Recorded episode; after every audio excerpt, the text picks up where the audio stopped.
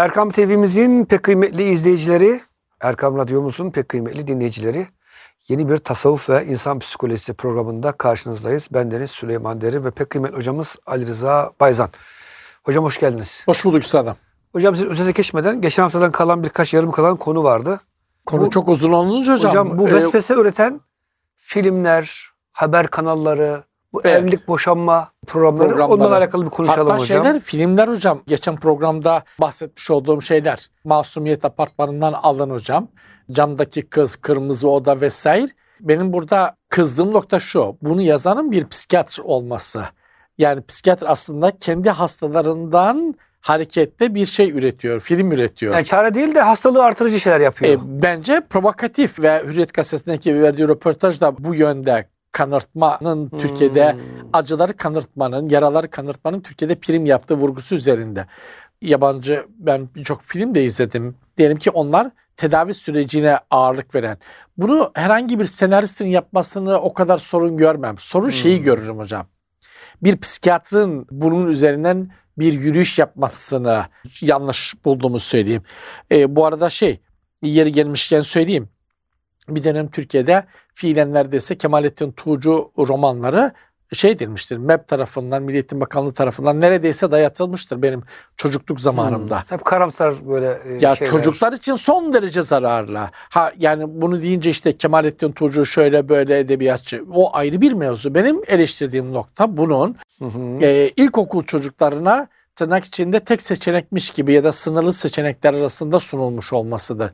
Bizim onlara ne aşılamamız gerekiyor? Umut aşılamamız gerekirken e, orada bir şey var. Karamsarlık aşısı var. Hatta hocam bu yabancı kültürden alınan romanlar, bu Rus kültüründen. Geçen ben bir tanesi elime aldım hocam. Okuyamadım ya. Yani fuhuş var, e, içki var, aman Allah'ım. Ya bu her taraf roman olsun olacak Allah aşkına. Onlar bile insanlar hocam. e, hatta bizde şöyle bir şey vardır. Şer tarif edilmez. Sen bir anlatıyorsun. Ya vay hain herif. Şöyle ihanet yapmış vatanına. Şöyle hırsızlık yapmış dediğin zaman bunu duyan masum bir gönül. Aa demek ki böyle bir şı- ışık varmış. Ben de ileride belki yaparım. Şeklinde bir ihtimal gönlüne atıyorsunuz. O yüzden bizim kültürümüzde hocam habercilik, film senaristliği çok ciddi bir sorumluluk gerektirir. Hatta şunu söyleyeyim bizim sufiler biliyorsunuz böyle meslek locaları kurmuşlar. E, tarikatların yaygın olduğu dönemlerde. Akilik teşkilatı biliyorsunuz. Evet. Adam yani aşçıysa güzel yemek pişirecek. Asla zararlı bir şey kullanmayacak. Demirci ise çeliğin suyunu yerine verecek. Ya şunu az kötü yapayım da bu 10 sene gitmek yerine 5 sene gitsin. Geçen bir arkadaşım var hocam. Evet. Ondan bir palto almıştım. Allah selamet versin dostumdur. 2005'te aldım. Hala palto sapa sağlam ama arkadaşım iflas etti. Ben dedim tabii iflas edersin sen dedim. Bu kadar sağlam Yahu, yaparsan öyle mi? 2005'te ben palto almışım. Aradan geçmiş 20 sene. Hala palto sapa sağlam. Geçen hocam yeni palto aldım. Başladı biraz kilo alınca. Yahu da aldım düğmeleri sallanmaya başladı. Gittim para verdim diktirdim. O paltoların en ufak bir yerinde düğmesinde dahi bir gevşeme olmadı. Nasıl Hmm. dikmişse arkadaş ondan kime diktirdiyse. Şimdi yani bizim bir işimiz de sorun, psikolojik sorumluluğumuz var hepimizin. Bir Evet. vaiz efendi, hoca efendi vaaz ederken bir psikolog kardeşimiz bir sinema e, ses yazarken e, ne o efendim ne diyorsunuz hocam? buna? Senaryo. Senaryosunu. Yoksa vebale veya bir haber hazırlıyorsunuz. Şimdi hocam haberleri izleyin. Ben pek haber izlemem. Memlekete gidince annemden babamdan alıyorum haberleri. Onlar küçük ilçede yaşıyorlar. Evet. Ben sözde metropolde yaşıyorum. Ama olmuş da şu olmuş yani. bu olmuş aman dikkat et yola çıkma yolda yürüme işte kimseye selam verme konuşma. Niye anne baba? Oğlum dolandırıcılar varmış şunlar varmış bunlar varmış hep oradan duyuyorum haberleri. Ya kardeşim şimdi öyle bir haber veriyorsunuz ki herkes seri katil. Herkes dolandırıcı. Hiç kimseye selam verme. Hiç kimseden bir şey isteme şeklinde bir e, kültür üretiyorsunuz. E, evet. Çünkü kötü olaylar haber ediliyor ama iyi örnekler haber konusu yapılmıyor. Dolayısıyla sanki iyi örnekler yokmuş gibi bir hava oluşuyor. Bu arada hocam izleyicilerimizden YouTube kanalına gelen sorular var. Ondan önce ben geçen programda sizin altını çizilmesi gerektiğini, vurgulanması gereken sözleriniz vardı. Onları bir hatırlatmak istiyorum. Birincisi aklımızdan istemsiz bizim kendi bilinçli çabamız olmaksızın geçen kötü düşüncelerden sorumlu değiliz. Aynen. Madde bir. Madde iki ben ona şunu ekleyeyim. Her insanın aklından geçebilir. Yani bu senin aklından geçti diye senin kendi ya ben ne kadar kötü bir insanmışım demenin anlamı yok. Çünkü zaten içimizde nefs dediğimiz içimizdeki şeytan var. Onun bize böyle düşünceler üretmesi mümkün. Zaten insan olmanın sınav bu yani. Bunu Hocam geçmek. oradan girebilir miyim? Esasında Evet. vesvesenin gelmesi sizin iyi insan olduğunuzu gösterir. Bir kiralık katile, seri katile vesvese gelmez. Adam o- alır parasını gider öldürür. Artık onda merhamet, sevgi kalbi ölmüştür.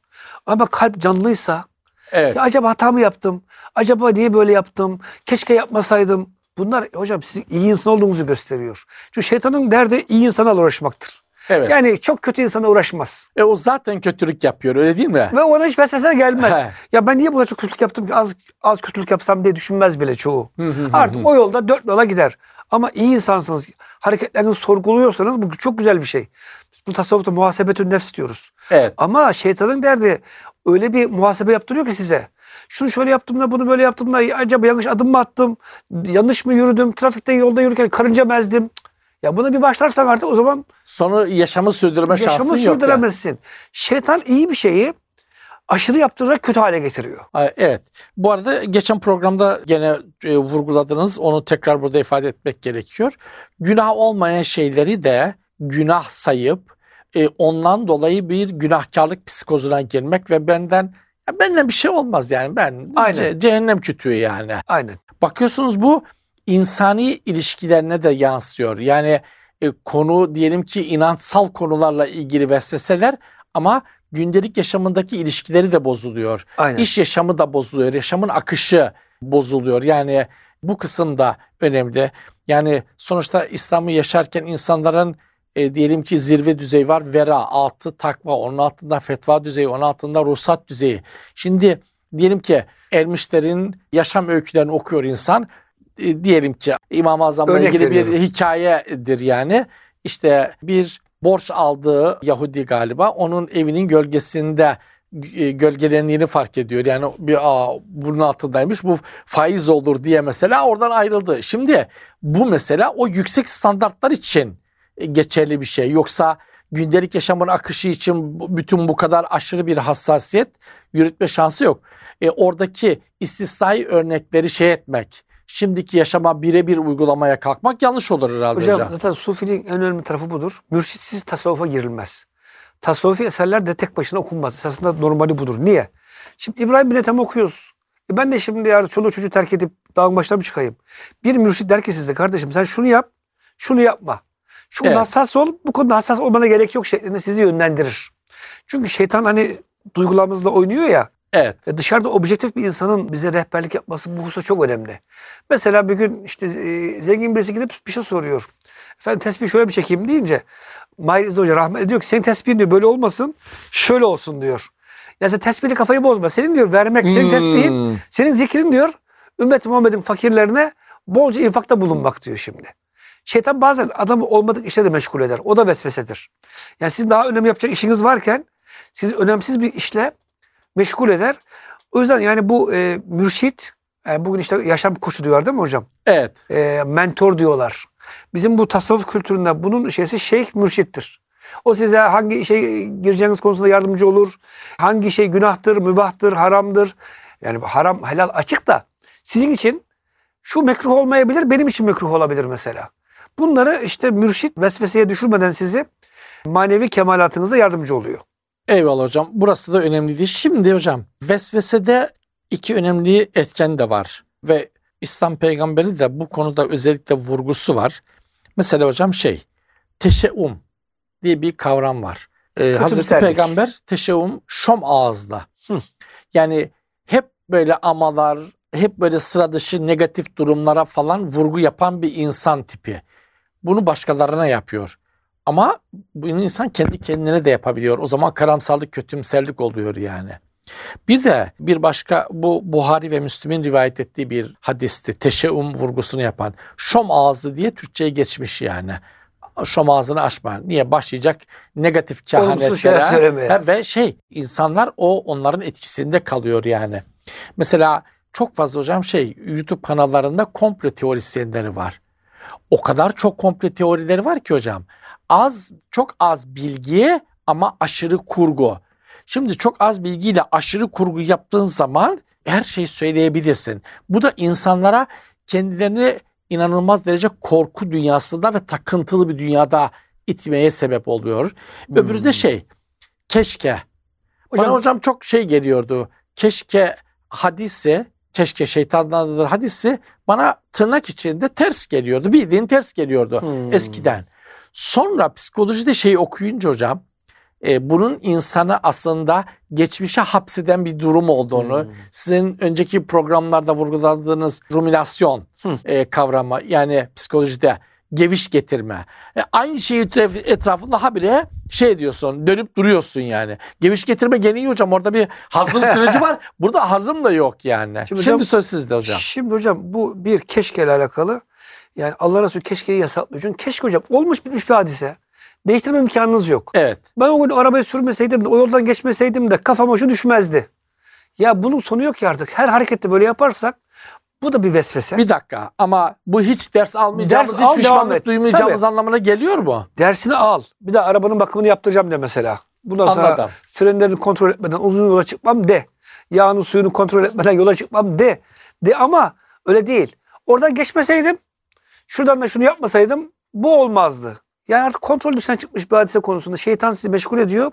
Bu meşguliyet yaparken siz pozitif düşüncelerden mahrum kalıyorsunuz. burası önemli. Pozitif Bir de- düşüncelerden ve şimdinin Heh. yapabileceğin şeylerden seni yoksun İşten de bırakıyor. mahrum kalıyorsunuz. Bu çok iyi hocam. Şey ilginç hocam. Erich Fromm'un Freud'a dönük eleştirisi var. Freud biyografi tekniğini kullanıyor. Yani çocukluğuna götürüyor ve çocukluğundaki anne babayla karmaşalar, çatışmalar falan filan onlar üzerinde çalışma yapıyor. Fromm diyor ki ama diyor orası geçmiş zaman bir şeyi değiştirebileceğin durum değil. E, dolayısıyla sen oraya gidersin şey edebilirsin. Oradan hani tırnak içinde olayı düzeltip kendince gelebilirsin ama çoğu zaman diyor orada hapsolursun diyor. Orayı kanırtmış olursun diyor yani. Bu da vesvese hocam biliyor musun? Evet, Bu da vesvese. Evet. Olmuş gelmiş bit- bitmiş bir hadise. Rumination dediğimiz bu esasında. evet. İkimiz arasında bir hareket olmuş. Şeytan diyor ki sen bunu kötü yorumla. Mesela ben sizi uzaktan görmüşüm. Elimi kaldırmışım da hani e, selamun aleyküm dememişim. Ya bana niye elini kaldırdı işte acaba kötü bir işaret mi yaptı falan. Şeytan geldi negatif. Yani şeytanın avukatları yapma derler ya. Evet, evet, evet. İşte sana ciddiye almadığı falan görmezden geldi e, şeklinde hep olumsuz. Hocam bilhassa karı koca arasında çok oluyor bu. Yani eşiniz diyelim ki o gün sizin sevdiğiniz yemeği yapmamış oluyor. Ne bileyim Evet. bir işi ihmal etmiş oluyor. Veya siz eve bir şey gelirken bir şey unutmuş oluyorsunuz. Benim hocam en çok korktuğum soru şudur. Bugün günlerden ne? Eyvah. Hemen başlar beynim. Evlilik yıl dönümü mü? Hanımın doğum günü mü? Şu falan. Yani insan değil mi ister istemez. Şimdi bunları vesvese veriyor şeytan. Ha bak işte eşin senin şu doğum işte evlilik yıl dönümü hatırlamadı. Ha demek ki evliliğine kıymet vermiyor. Başlıyor yorumlar. Ya adamın hiç böyle bir derdi Hatta olmayabilir. böyle bir senaryo çiziyor, film Tabii. yazıyor. Aynen. Ee, şey geliyor yani. Veya bazen eşiniz aramıyor. Ya bugün beni eşim hiç aramadı. Acaba niye aramadı? Ha tamam işte. Ama annesini aramıştır mesela. Gibi şeytan dolduruyor sizi. O yüzden bunları dinlememek lazım. Dinlememek için de bence bazen iyi bir çevreye hep söylüyorum ya hocam. Evet. Şeytan bazen sizi çok böyle yordu değil mi? Gidin iyi bir çevrede. Neşeli arkadaşlar arasında bir birkaç saat oturun ya. Aa evet. Bu çok önemli. Yani karamsar ve kötümser tiplerle birlikte olduğu zaman hocam bir Amerikalı nörolog bir araştırma yapmış. En çok vakit geçirdiğiniz insanlarla düşünceleriniz, ilgileriniz, meraklarınız beyin doğrudan beyin frekansları arasında bir etkileşim oluyor yani. Şimdi geri zekalılarla arkadaşlık yapıyorsun. Eli mahkum onlar gibi oluyorsun. Niye? Çünkü onların modunda durmaya çalışıyorsun yani. Hocam bu arada gelen sorular var. Bunlar üzerinden hızlıca geçelim. Bazılarına ben cevaplayayım. Vesvese ile sanrı bir midir? Sanrı halüsinasyonun karşılığı olarak Türkçe'de kullanılıyor. Eğer bunu kastediyorsa halüsinasyon doğrudan psikotik bozukluklar, ağır ruhsal hastalıklarda e, ortaya çıkan bir durumdur. Dolayısıyla vesvese ise daha çok eğer psikolojide bir karşılık arıyorsak psikotik değil de nevrotik Hmm. e, rahatsızlık kategorisi nedir? E, Obsesif kompulsif nevroz veya da ruminasyon kavramıyla ilişkilidir. Ha şu da var. Diyelim ki paranoyada, şizofrenide vesairede de şey vardır. Vesvese vardır ama sonuç olarak sanrı dediğimiz ağır ruhsal hastalara özgü olmayan şeyleri varmış gibi görmek. Mesela Akıl Oyunları filmini hocam izlemiş miydiniz? Hayır hocam. Akıl Oyunları filminde ünlü bir bilim insanı bir yerden geçerken orada hocam siyah cüceler etrafında şey ediyor, dans ediyor. Bu tabii uzun yıllar devam eden bir şey, olay. Oradan geçerken sahne o. Diyelim ki aradan hocam hat- hatırlamıyorum 10 yıl geçmiş birden adam uyanıyor. Ya diyor bu cüceler hiç büyümedi diyor siyah cüceler. E demek ki bunlar halüsinasyon gerçek değil. Yani psikotik e, ağrısal hastalarda o halüsinasyonun gerçek olduğuna inanıyor. Belki ilaç tedavisi hocam burada gerekli. Akıl oyunları izleyicilerimize öneririm. Hocam burada başka bir soru var. Bunu size yönetiyorum. Başka sorular var. Devam edeceğiz üzerinden. Dolayısıyla soru gönderen izleyicilerimiz hayıflanmak uygun değilse pişmanlık ile nasıl baş edeceğiz? Hocam sufiler bu konudaki şey söylüyorlar. Tabii soru doğru mu? Soruyu da tartışabilirsiniz. Doğru. Ama soru böyle yani. Hocam uzun süre pişmanlık da iyi değil. İnsan ders çıkarmalı, pişman olmalı. Tabii pişman olduğu şeyin hakkını ödemeli. Ben şimdi hocam sizin arabanızı çarptım kaçtım. Evet. Pişman oldum akşam. Keşke çarpmasaydım dedim ama olmaz. Gidip bedelini ödeyeceğiz. Ondan sonra hocam o kolayı unutmaya çalışalım. Yani bu e, şeytanın dedim ki en büyük problemi geçmişteki bir olumsuz başınızdan bir hadise geçti. Bir trafik kazası olabilir. Ben hep şunu söylüyorum. Aman diyorum hanım çabuk unut kazayı. Bir daha araba süremesin yoksa diyorum. Hmm. İşte niye kaza yaptın da nasıl oldu da niye frene basmadın dedikçe insanları vesveseye e, sürüklüyorsunuz. O yüzden bu tür olaylarda hemen unutturup dersini çıkarttırıp atlayıp geçmek lazım üzerinden. Geçmişle alakalı işte o Freud'un dediğiniz gibi belki insan normal şartlarda annesini babasını affetmiştir. Anne bu affedilecek tarafı da yok onu da söyleyeyim. Niye? Ne? Bak ben bile etkilenmişim. Evet anne hocam. babayı affetmek diyor. Sanki anne baba suçluluk yapmış da değil.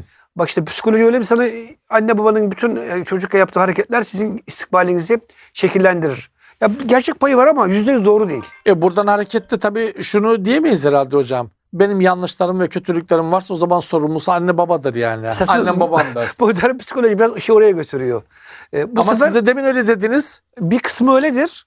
Ama işte bak e, hep böyle bunları kanırta kanırta odak noktası anne baba olunca Ha, herkes anne babasını suçlu gibi görmeye başlıyor. Anladım. Yani sorunu hep şey aslında. Kendi yapacağı şeyi tamam anne baban sana yanlış öğretmiş olabilir. E, o zaman sen de düzelt. Öyle Kocaman değil mi? adam oldun, akıl bali oldun artık. yani diyelim ki anne atıyorum anne baban sana aşırı işlenmiş gıdalarla bir çocukluk yaşattı. E şimdi e şimdi sen doğal beslenmeye geç yani, yani. engel de yok. E, Evet. Bu arada çalıştığım bir mevzu olduğu için söyleyeyim hocam. Aşırı işlenmiş gıdalar yani e, arkasına baktığın zaman hocam ne kadar bilmediğin kelime geçiyorsa o aşırı işlenmiş gıdadır. Uzak dur diyorsunuz. Mesela salam ve sosisten başlayalım yani. Uzak dur. İlginç bir şey hocam. Beynimizde hocam bir şey var, organ var. Deniz atına çok benziyor. Onun için ona deniz atının adını vermişler. Hipokampüs. Hmm. Hipokampüs bölümü hocam mesela şeyden çok etkileniyor. Aşırı işlenmiş gıdalardan bozucu etki yapıyor. Onun da özelliği şu hipokampüsün. Gün içerisinde öğrendiğimiz bütün bilgileri hocam bunlar karma karışık böyle ardiye gibi atmışız o gün içerisinde bilgileri. Biz gece uyurken beynimiz dinlenmiyor hocam. O hipokampüs bölümü bu bilgileri alıyor, eliyor, Organize ediyor. ediyor ve uzun süreli belleğe atıyor. Şimdi aşırı işlenmiş gıdalarla hocam ne yapıyoruz? Hipokampüse ihanet ediyoruz. O da bize, bize ihanet ediyor. Sonuçlardan bir tanesi işte hocam şey unutkanlık. Dilimin ucunda söyleyemiyorum. Hiç ummadığın unutkanlıklar yaşıyorsun. O nedenle bu kısımda önemli. Mevlana'nın da bir sözü vardı hocam. Yani aşırı pişmanlığın zararlı olduğunu. Pişmanlık gerekti ama aşırı pişmanlık. Sonuçta bir şey üretmek gerekiyor.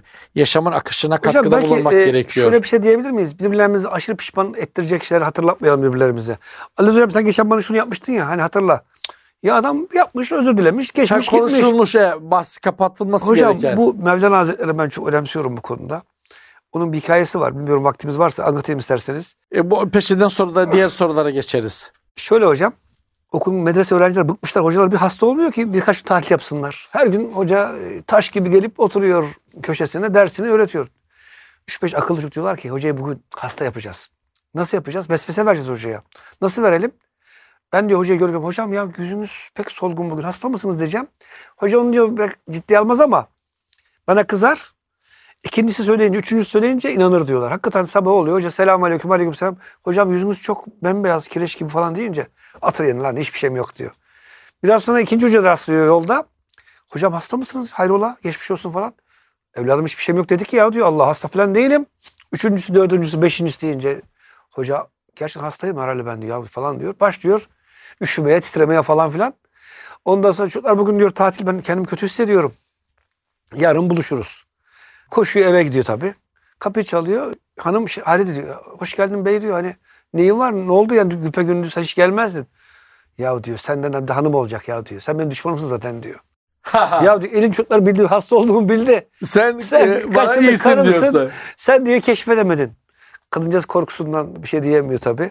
Adam şimdi kendi hasta olduğuna inandı ya bir kere. Evet evet evet. Ondan sonra çabuk diyor yatağa ser falan filan. Konu komşu geliyor geçmiş olsun hocam. Adam hoca terlemeye falan filan başlıyor. Hocam hastalıkların bile yüzde yetmiş beşi vesvese. Evet yani hocam. biz hasta oldum derse hasta oluyor. Hatta çok hadis-i şerif de, e, ilginçtir. Hadis-i şerif. Sakın diyor hasta numarası yapmayın hasta olursunuz. Evet. Bu bile hocam insanın kendi kendini vesvese vererek e, hasta olduğunu gösteriyor. O yüzden ben yani bu hastalık hastalığı arkadaşlar şunu söylüyorum. O da vesvese değil mi hocam? Acaba tabii. tansiyonum mu arttı? Ha, tabii, Acaba tabii. şekerim mi arttı? Hipokondriyazis e, hastalık hastası yani o. Hocam iki dakikamız kaldı onun için sorulara geçiyorum hızlıca. Korkudan bahsettiniz korkunun da vesveseye yol açtığından.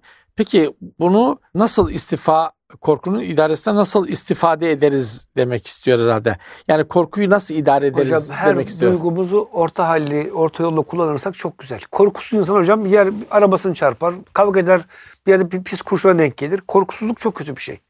Aşırı korkmak da çok kötü bir şey.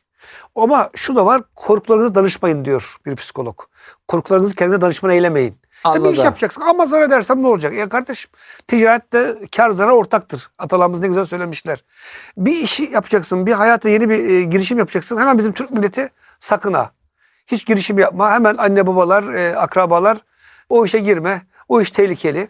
Halbuki hocam e, tedbir aldıktan sonra tehlikeli işe de girmek lazım. Evet yoksa e, riski olmayan risksiz hiçbir şey yok yani. Şunu diyor hocam bir izleyicimiz kaygılarımızı iptal üzerine mi gayret göstermeliyiz yoksa bunları yönetmeye mi çalışmalıyız, kontrol sağlamaya mı? Yani kaygılarımızı iptal edebilir miyiz ki? İptal edemeyiz. İptal edersek çok, çok, çok kötü olur. Ha kaygısız, vurdum O zaman duymaz. bir örnek vereceğim hocam. Bu ikisi Evet. bak birinci soruyla alakalı bu. Şimdi evlilik konusu. İki genç evlenmek istiyorlar. Acaba bu e, seri katli olabilir mi? Acaba gizli kötü ahlakı var mı? Hocam bugün kimseye evlilik konusunda ikna edemiyoruz maalesef. Hep böyle vesveseler. Hmm. Görüyor uzaktan ha bunun saçı biraz uzun. ha, bu şu olabilir. Şu olabilir, bu olabilir. Hocam tedbirini al. Ve hata yaparsan da şunu söyle. Haramda hata yapmaktansa helalde hata yapmanın bir mahsuru yoktur. Ne demek? Yani ben gidip olmadık yerlere gezerken olmadık ilişkiye girerek hata yaparsam ki bu da çok mümkün değil mi? O onu internetten tanışıyorlar falan filan. Evet. Gidip çayhanede birisi birini bıçaklıyor mesela. Bu hata haramda hatadır. Ama helal iki genç araştırdı, inceledi. Bu iyi insan dedi. Evlendiler ve çok kötü çıktı.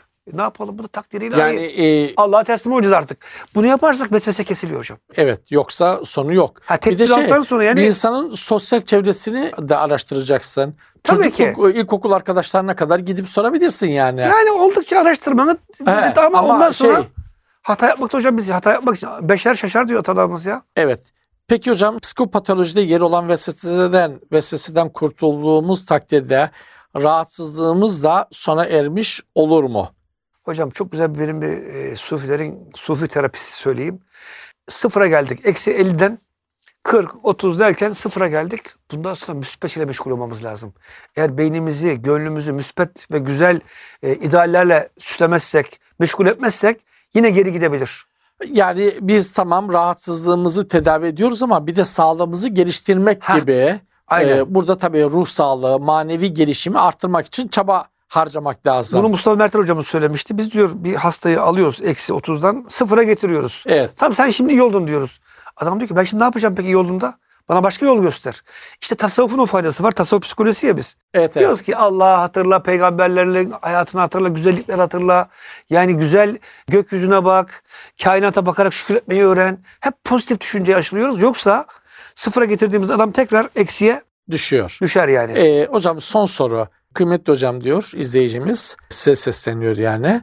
Ben araştırmacıyım. Hoca değilim. Eyvah. Yani haddim değil.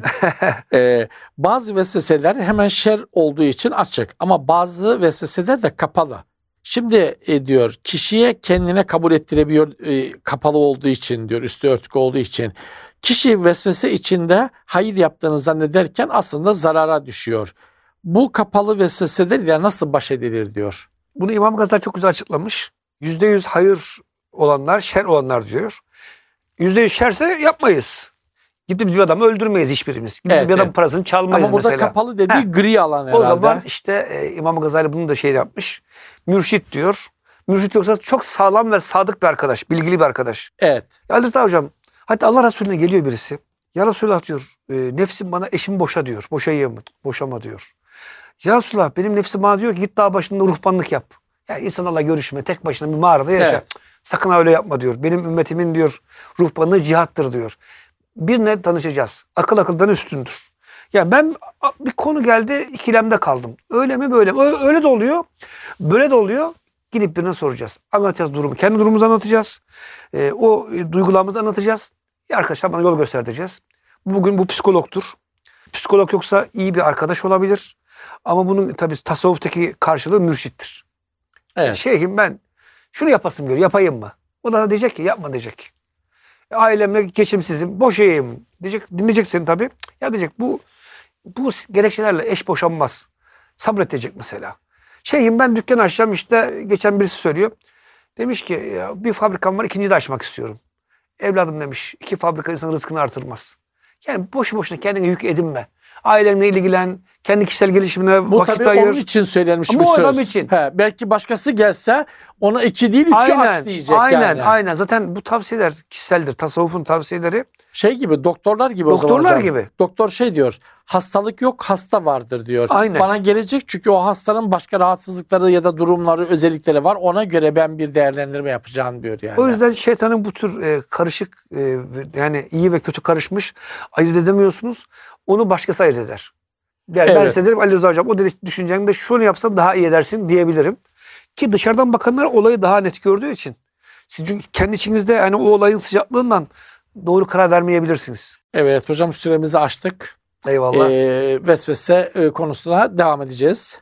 O zaman e, bitirme sizde hocam. Ee, kıymetli hocam valla vesvese konusu zor bir konu. Allah kimseye bu vesveseleri imtihan etmesin. Ama sonuçta çözümü olmayan bir şey, Yok. o o kadar korkulacak bir şey değil. Sadece Kesinlikle. bu konuda tırnak içinde tedavi sürecini işletmek lazım Hatta yani. vesvesenin faydaları diye bir, belki hocam programda yapalım da. Çünkü her şeyin kötü görünen her şeyin de iyi tarafı da var. Bıçak kötü diyebilir miyiz şimdi? Kötü kullanırsan kötüdür. iyi kullanırsan iyidir. Bunu bir ruhsal gelişim fırsatı olarak değerlendirme imkanı olabilir. Hocam ağzınıza, gönlünüze, dilinize sağlık. Kıymetli dinleyicilerimiz, sevgili izleyicilerimiz, tasavvuf ve insan psikolojisinde bize verilen sürenin sonuna geldik. Bir sonraki hafta buluşuncaya kadar Allah'a emanet olun. Hoşçakalın efendim.